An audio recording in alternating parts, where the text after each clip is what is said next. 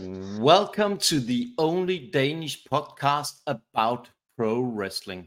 And this is a very, very unique journey that I'm going to take you on because I'm going to take you on a travel, a travel into the world of Rika Wildlee, Barker of the Bizarre. And normally I'm doing the introductions to where, which town he comes from, but as this character says, he's from your town. So welcome, Rika Wildlee. Thank you, thank you, thank you. It is a blessing to be able to come upon your podcast. I have always been a fan of far off podcasts from where I am, and I enjoy seeing people like you reach out to people like me and make it known to the world that the Barker of the Bizarre exists. So thank you for having me on. But you are more than welcome because we would like to take our listeners to parts unknown. And this is really some parts that they have never been on or never listened to before. So, who is Rika Wildlee?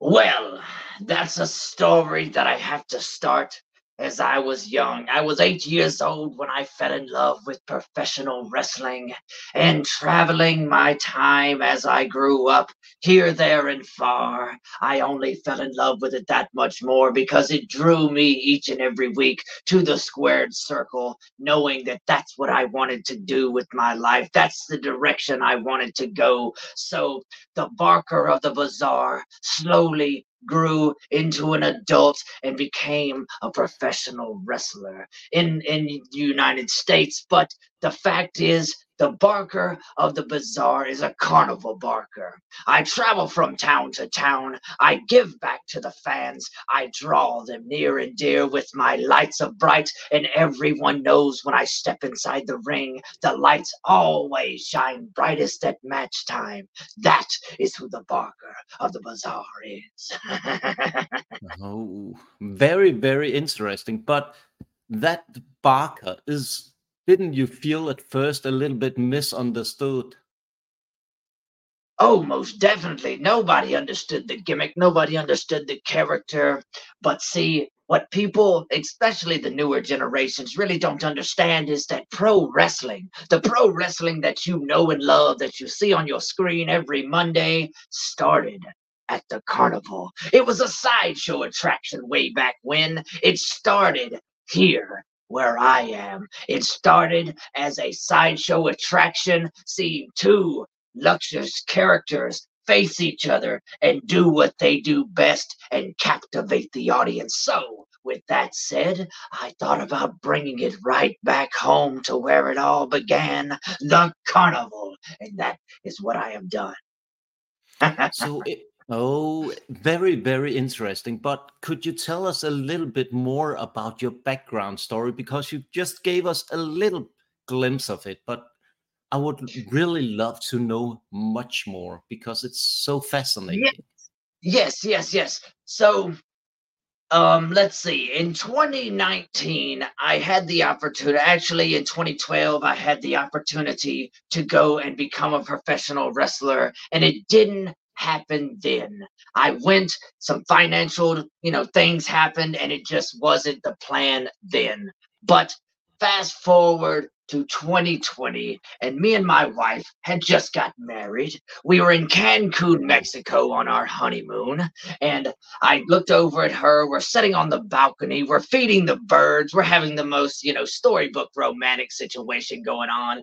And I look over at her and I say, "Hey, what would you think about me really really chasing this pro wrestling dream because I was 30 at the time. And, you know, at that age, it's not something that most 30 year olds go, Hey, I want to start getting beat up for a living.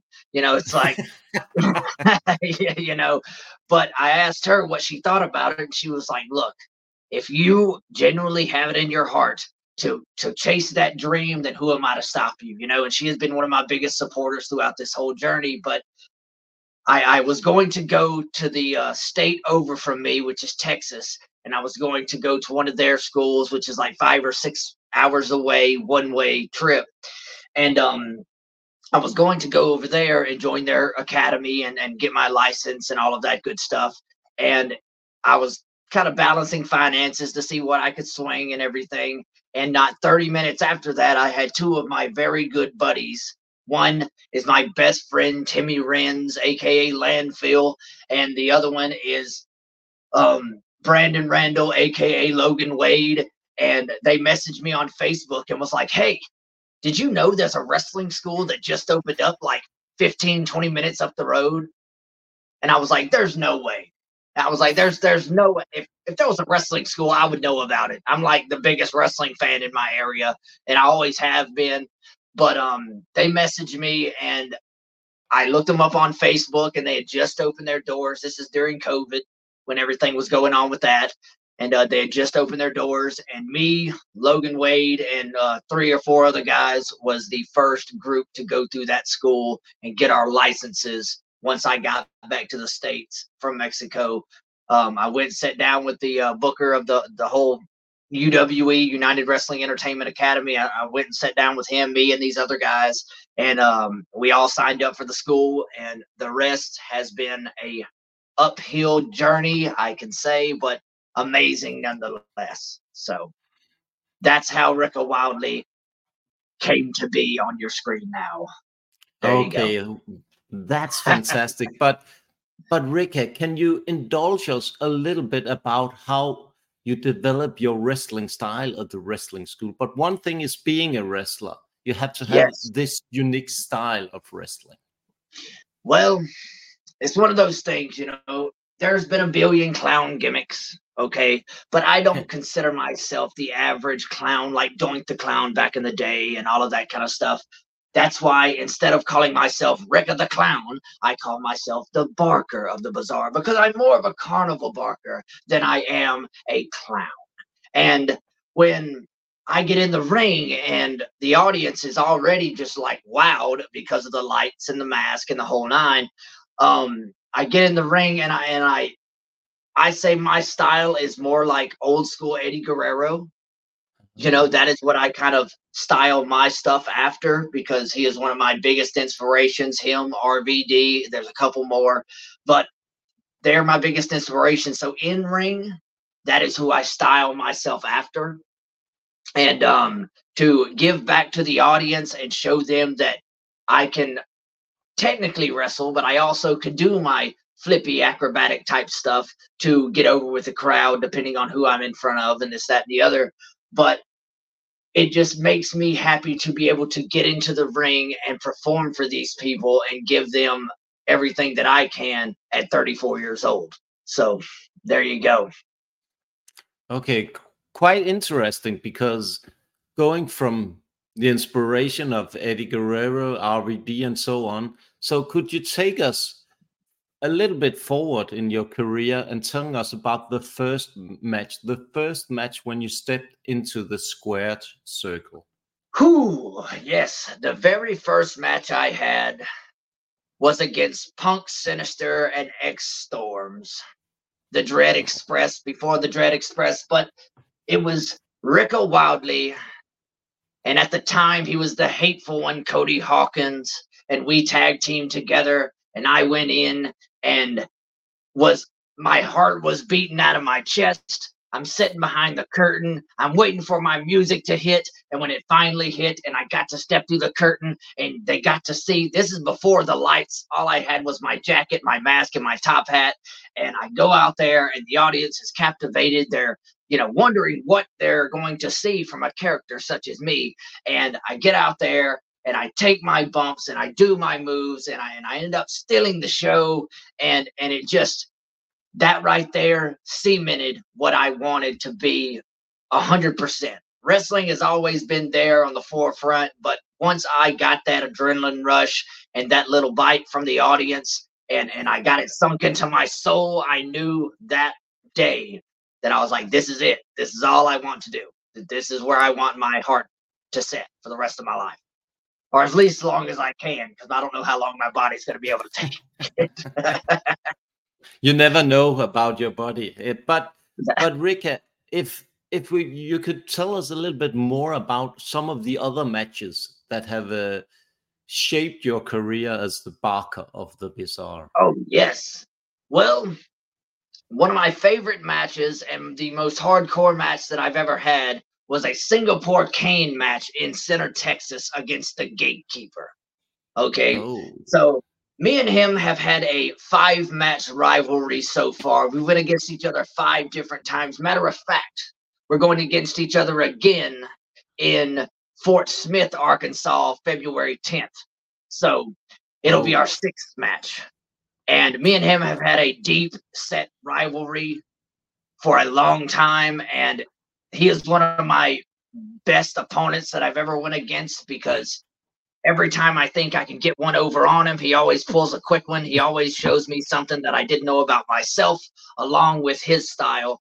So you have people like Gatekeeper that has helped carve who the Barker is because I always got to pull out something new from my bag of tricks to get over on the Gatekeeper. But there's also been other matches that I went like I went all the way to Ohio and I wrestled for uh, I wrestled at the Gathering of the Juggalos, um, which oh. is for the band ICP. Um, Insane Clown Posse. They're a huge band over here in the states. They I don't know how far out they reach, but um, they have put on a five day concert similar to Woodstock, oh. and um, yeah, and they have a big wrestling event up there, and there was 30 men that got chose out of all the tryouts, which there was a lot of different tryouts and um, I was one of the 30 in, the, in 2022 that got picked and went up there and there was like 16 17,000 people I believe that was at that event. And that's the biggest crowd I've ever been in front of and it was just mind blowing mind blowing but um but why did you get picked by that uh, out of all the the other wrestlers? What was well, that um, they said was, we want Ricky there was tryouts. There was tryouts oh. that um they went up there, they paired everybody up. Because like I said, there was a lot of different guys. They only chose 30. Um, they paired everybody up and they had spectators outside that was looking at your wrestling style, looking at how fluid you was in the ring, looking at your gimmick, looking at what, what would get over with the fans, especially in a place like that and everything. And I guess they just liked what they saw as far as how you know, active I was in the ring, not only mm-hmm. with my moves, but with the crowd as well. You know, and and and I guess that's one of the reasons I ended up getting chose for the 30 man battle royal at Bloodymania 2022. So how was that battle royal? How did it Whew. went? It um yeah. well, you know, usually a battle royal or something of the sort, like a Royal Rumble type situation, they usually come out one at a time every 90 seconds. You get another opponent come out. This is not the way that one was ran. They put all 30 men in the ring at one time. There was 30 oh. men inside the ring at one time, and they just said, ring the bell. Go. Damn. yeah, it was wild, man. It was definitely wild, no pun intended. But it was one of those situations that you just gotta kind of roll with the punches, and there was no no real talk before the match happened. It was just like, here's something that they want to do during the match. Here's something that this guy wants to do during the match. But overall, stay in until you feel nece- it deemed necessary to go out. They, you know, they already had everything set in place as far as what yeah. is behind the curtain, but um, they they let everybody kind of have their own little moment in front of the crowd, their own little situation in front of the crowd to make sure that the fans remembered your gimmick and your character. So it gave everybody a little highlight during the match, which was great. So how did the fans react to you? How did uh, you interact with them? At this time, luckily, uh, they they enjoyed the gimmick. I mean, I didn't hear any negative comments or anything like that. They enjoyed what they saw, but I didn't get to have an entrance. So see, I only wear this, you know, the lights and the top hat and all that for my entrance. You know, I oh, take it off oh. when I get in the ring. I don't wrestle with it on. Um, so seeing as they just put us in the ring and was like, ring the bell, let's go. I didn't get to have an entrance, so I didn't get to wear my lights out. I didn't get to wear my top hat out. I just come out in my tights, my boots, my shirt, and that was it. And they said go, and we went. so, so, I mean, but the fans loved it. Yeah, but Ricky, let's talk a little bit about your character now, because as you were just telling, the the outfit, the hat, everything is so important for your entrance, so important Very for so. the the audience to in- to react to you. So how do you use that? Well, that's the thing about having a gimmick as bright as mine and as just kind of over the top as mine is. Um, when I come out through the curtain, they automatically are drew to the character strictly because you can't miss the lights. You know, I, look at me. I'm, I'm, I'm a walking light show.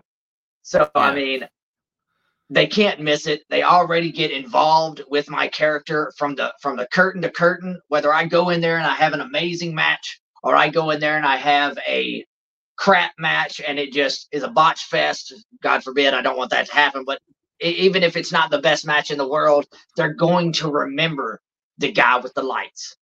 You know, they're Yeah. I'm, I'm going to leave them with a memory every single time, regardless of how the match goes. And that's what I want. I'm going to be stuck when they're driving home at nighttime and they're after the show and they're talking about everything that they saw the kids, the wife, the husband, everybody. They're going to go, What about that one guy with the lights? That's exactly. that's what I want. Captivation, not just in the ring, but out as well.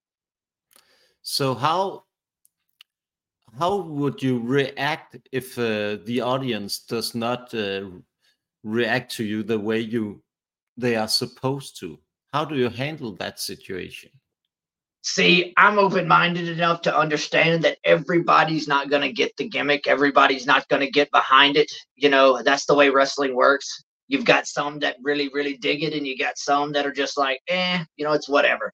But the fact of the matter is, whether you're cheering me, whether you're booing me, whether you're sitting on your hands and just waving them in the air or whatever, you're reacting. And that's all I want. I don't want you sitting there listening to crickets. You know what I mean? I just no. I need you interacting some way, shape, and form. I've been booed, I've been cheered, I've been, you know, talked down to and all of this kind of stuff. But the fact is, you're interacting, and that's all I want. As an entertainer, as a wrestler, as an you know, an athlete, and, and all of that, that's all I want is for you to to interact. And it doesn't matter if it's negative or positive, it's all interacting to me. So So now, Rika, we have talked a little bit about your matches with the Gatekeeper, the Battle Royal, but do you have other key matches that have shaped your career? yes, I had the Bizarre. Yes, I had a, I think it was three or four match rivalry with Xavier Storms and uh, or X Storms now. He was Xavier Storms at the time, but he's X Storms now. But um, he was the UWE light heavyweight champion for got to be over a year, and um, me and him had a long fought rivalry to where every time we went against each other, somehow, some way, I was getting the one up or I was sneaking a win, or I was getting him somehow disqualified, or or some way, shape, and form until eventually I ended up winning the UWE light heavyweight championship from him. And um in, in Louisiana, it was an amazing moment because I got my parent, my my dad, and, and my folks to come and watch me win this championship. So it is a very, very pivotal highlight in my career. You know it's it's something that i hold near and dear to my heart for the rest of my life. But um i got to win that light heavyweight championship from x storms. And you know carried on to other matches and other things and now since i've actually got to branch out and travel to other states and work other places i've i've had all kinds of different matches against a lot of different kinds of gimmicks uh, you know i've went against other clowns two or three times i've went against I've went against um scary gimmicks. I've went against over the top, you know, just whatever gimmicks. But the fact is, as long as we can have a good match, I'll face anybody. There's no one certain match that I think got me over in in any particular sense. But if we can go out there and potentially steal the show, that's all I'm about. So it's interesting because every wrestler talks about having a good match, but what is a good match for Rika Wildlee? A good match, and I can simplify this in, in, in simple terms. A good match to me is coming through the curtain and walking out the curtain the same exact shape. Going out there, going through the curtain in good health and good function, and then leaving the ring after the match, win or lose, in the same shape. Just going out there and giving the fans 100% of what we've got to offer. You know, there's if there's five, six, seven matches on the card, you know, you've got to do something to stick out in their mind once, like I said, once they're riding home at nighttime and they're talking, they're they're reminiscing about going over this show that they just watched and what they saw and the highlights that they enjoyed and all this kind of stuff. You've got to do something that sticks out in their mind. And if you can do one thing that makes them go, oh my God, you know, just like boom, mind blown. If you can do one good thing out there to stick out in their mind, then I think we've done a good job. And as long as I go back through the curtain at the end of the night in the same shape I showed up in, I think that's a good match. But now we have talked a lot about the positive things about pro wrestling, all the good stuff. And that's the best way to talk about wrestling. But what has been your most unmemorable moment of your career until now?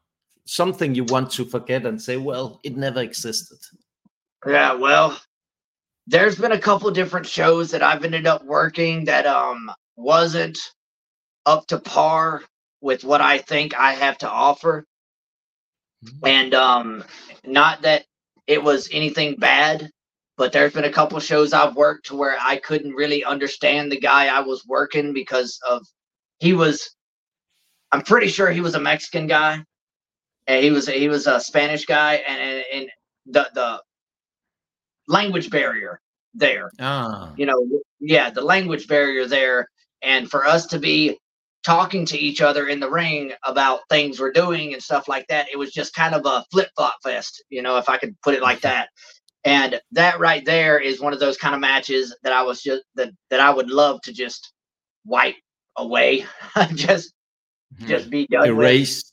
With. Yes, erased. yeah, yes, yes. Not that it wasn't a good match. It's just I think we could have done way better if if we could have had more time to understand each other and and could have understood each other a little better. But um, that's just one of the few that that I, I think that I would like to just erase from my resume per se. oh, yeah, everything but, can be erased. Maybe it's not a memorable match or something like that. But well, now, go on, go on. Yeah, yeah, it's, it's it's one of those things, man. It's just like, like I said, it's not that it wasn't a good match. It's not that I'm not proud to have wrestled there and all of that kind of stuff. It's just I know that there's certain things that go on in the pro wrestling world. Like I didn't realize this at the time, but a lot of lucha style wrestlers, Mexican wrestlers, and things like that work reverse than than uh, U.S. wrestlers or, or you know other wrestlers. Luchas work everything in reverse. So, hmm. not being trained in that style, you know, it, it is a learning curve there.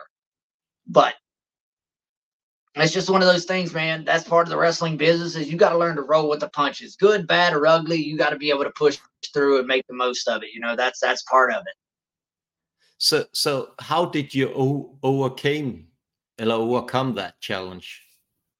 Uh, I just got in there and done exactly what I knew to do and took the bumps exactly as I knew to take them and and tried to stay as professional as possible to make the show go on as smoothly as possible. And um tried to make sure the fans understood what they were watching even though I barely understood what I was doing. Uh you know that's that's, that's part of wrestling man is telling a story. And if you can get out there and even though the way it goes is if the wrestler doesn't look confused, then the fans don't know he's confused. You know, if you get in the ring and you're you have no clue what's going on, you're just trying to roll with the punches and go, go, go, and you're not slowing down, you're not leaving any empty space to where it looks like you're just lost. You know, the fans have they know none the different. And that's part of storytelling. Yeah, and I could can imagine that storytelling is such an important part of the whole Rika Wildlee story because Definitely. to me you're like this kind of not not a fairy tale but an adventure, a travel, a something unique, and maybe just like not Pandora's box, but you're a little bit like an enigma. Well, so how do you solve that enigma? You know, I've always enjoyed being a character. I've always Hmm. said this.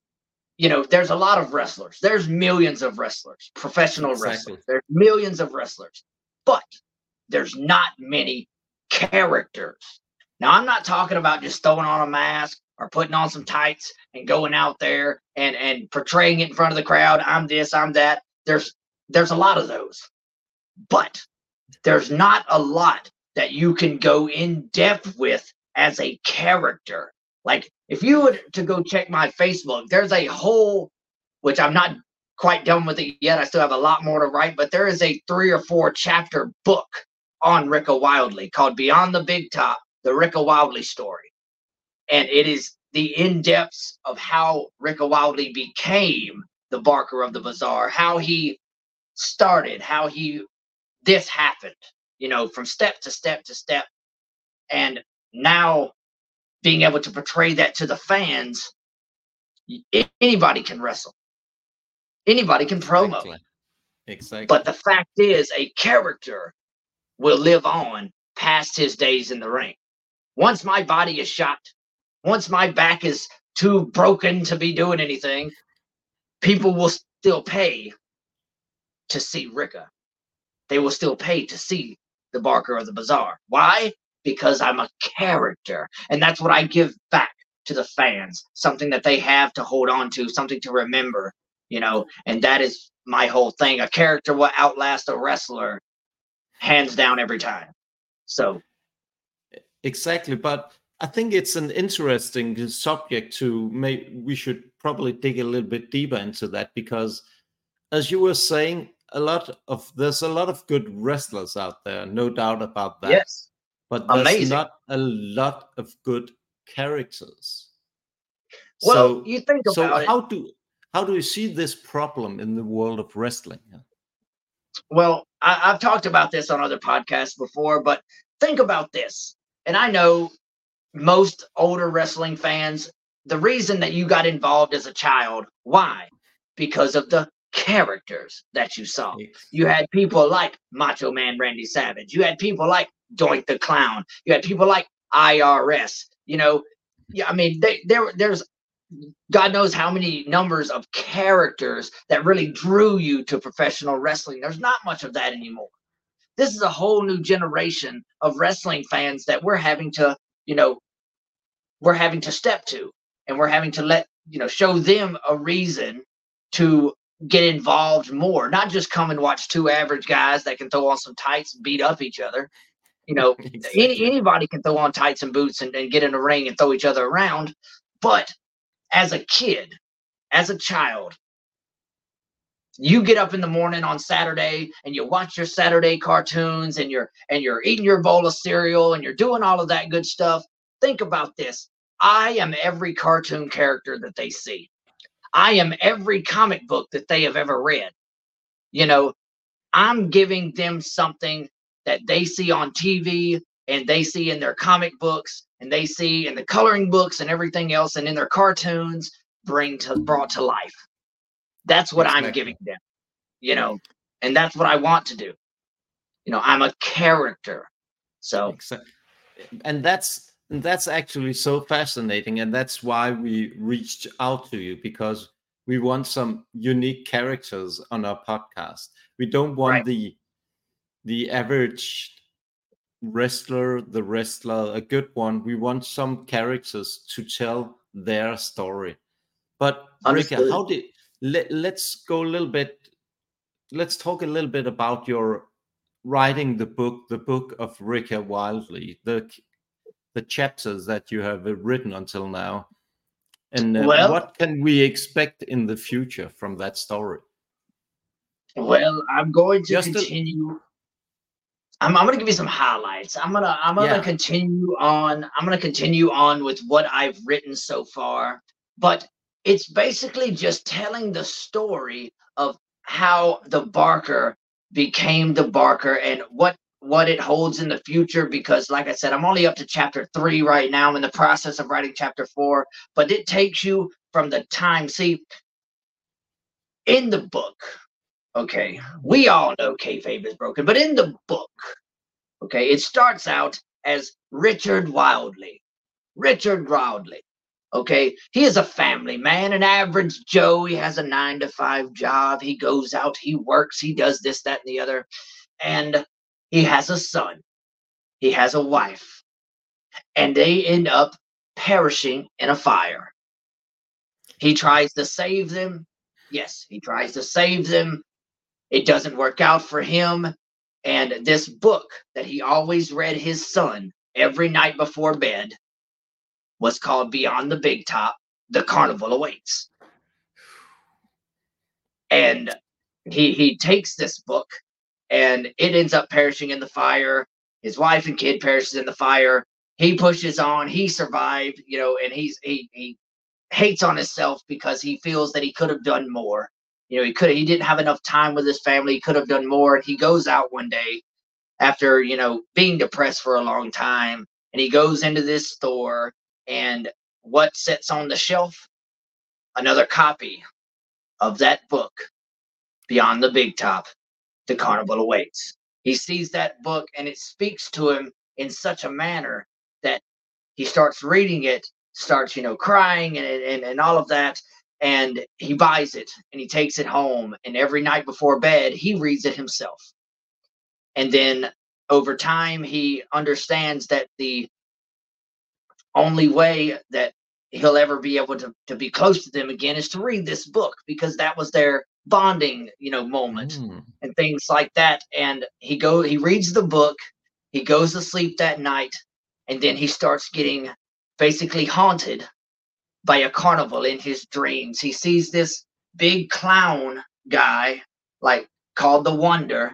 He shows up and he sees this guy and he starts talking to him and he tells him if you ever if if you would like your family back if you want to see your kid and your wife again the only way that that can happen is for you to collect the essence of all the people that you that you wrestle and bring them to me to power the lights of the carnival Oh. so he wakes up he's freaked out he's he's you know discombobbled he don't understand what that dream was about he's just like he don't know what's going on so he ends up over time looking into a wrestling school and and he continues to be haunted by these dreams and and and over time that's how he got into wrestling because now he knows the only way to the only way to keep the lights on at the carnival and get his wish granted by this character called the Wonder is to collect the essence of the wrestler. So every time he wins, he takes a jar and he takes a Mm. little bit of the wrestler's essence and he puts it in the jar and he puts it on the shelf at the carnival. And that's what keeps the light shining bright. As he loses, the light starts to dim. As he Mm. wins, the lights get brighter. And as long as he keeps powering the carnival with these wrestlers' essences, then eventually he will have his family back. And that is yes, it's it's a very unique story. You'll have to give it a read sometime. That's just some highlights of it. That's like chapter 1 stuff.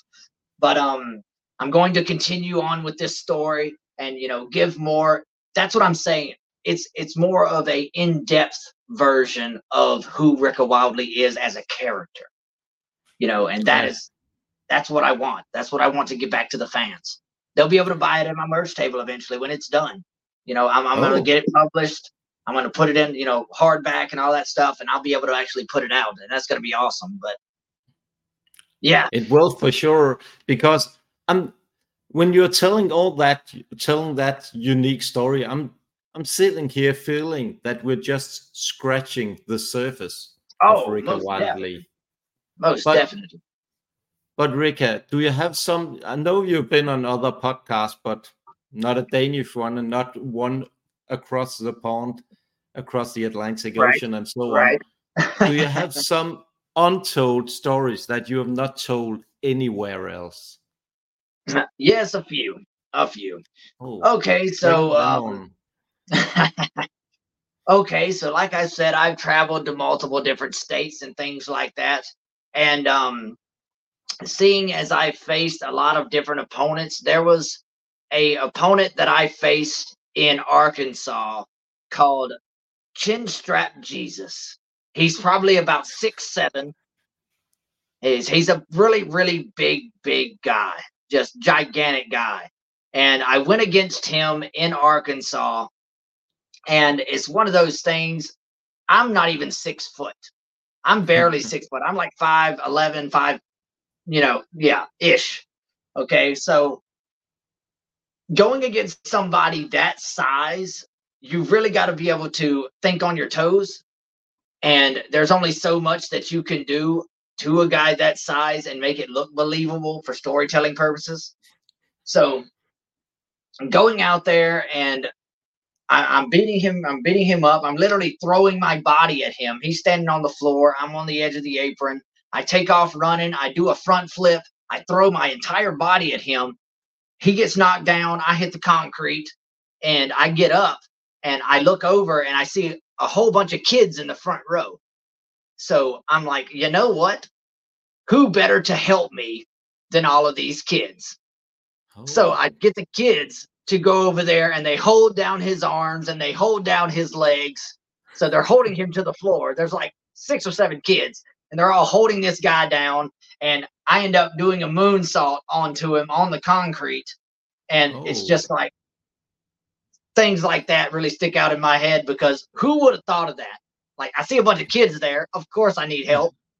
yeah, of course. Yeah, help me, small kids. but yes. what is what a story actually Yeah. it's, it's so Yeah. intriguing actually to hear that way that you could actually use the kids because i've ne- never heard of something like that before they enjoyed That's it. I unique. enjoyed it, and it worked out. So, I mean, yeah but do you have one other story that you would like to tell Yes, to our listeners I will, I will, I will tell this story, and this is probably breaking kayfabe a little bit, and and I don't know if I've spoke about this on other podcasts, but it is an amazing story and probably one of the closest to my heart.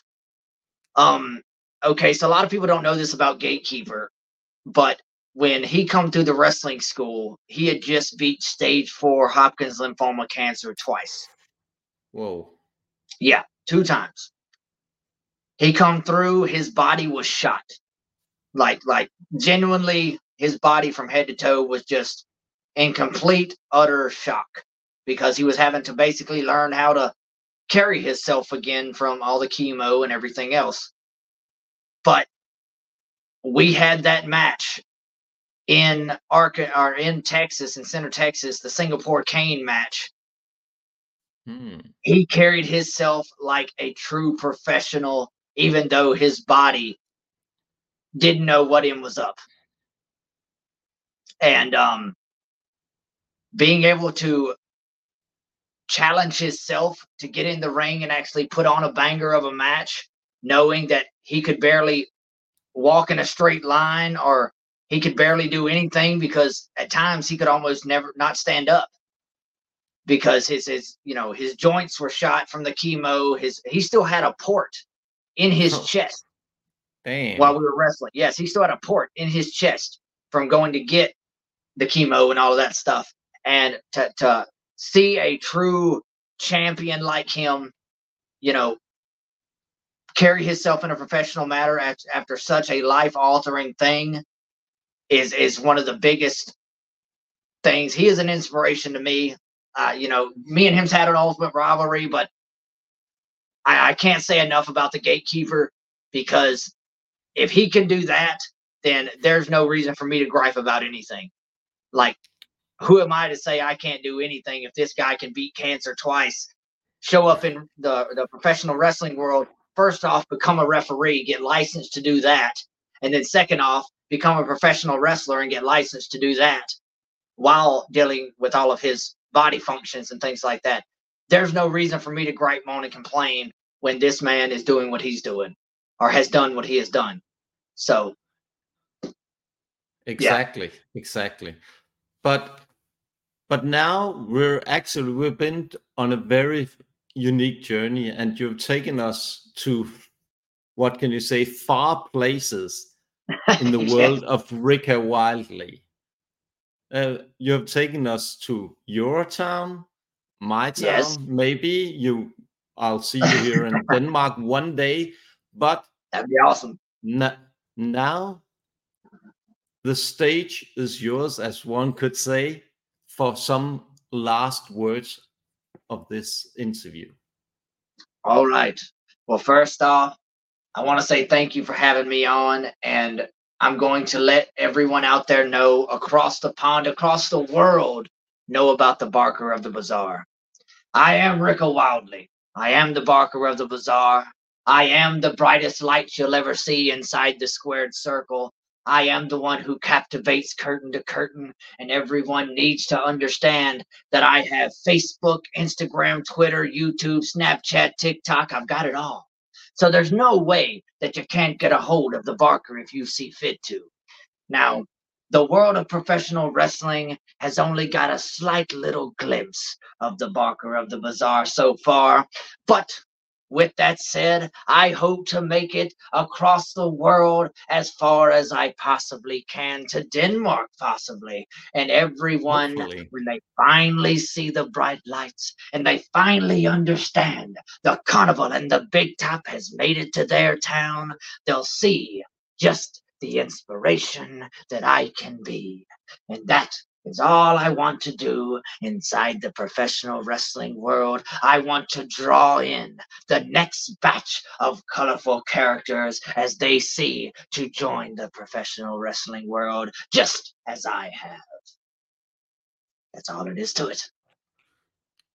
Rika Wildlee, thank you so much for being on our podcast. It's been a unique pleasure, a unique thank story. You. And a really good insight into how important storytelling is in professional wrestling. And yes. we always have these last words that we're saying in our podcast. Remember, you have to watch wrestling live. And normally I'll finish here, but this is a very unique message to everyone else. You have to go in and look up Rika Wildlee on every social media platform, and we'll yes. drop some uh, links uh, below in the show notes to everything that you have. So please drop drop me a message with every link that you Definitely. have. So, uh, Definitely. so so normally we'll say it again. You have to watch wrestling live. Yes. You have to watch wrestling live. Nothing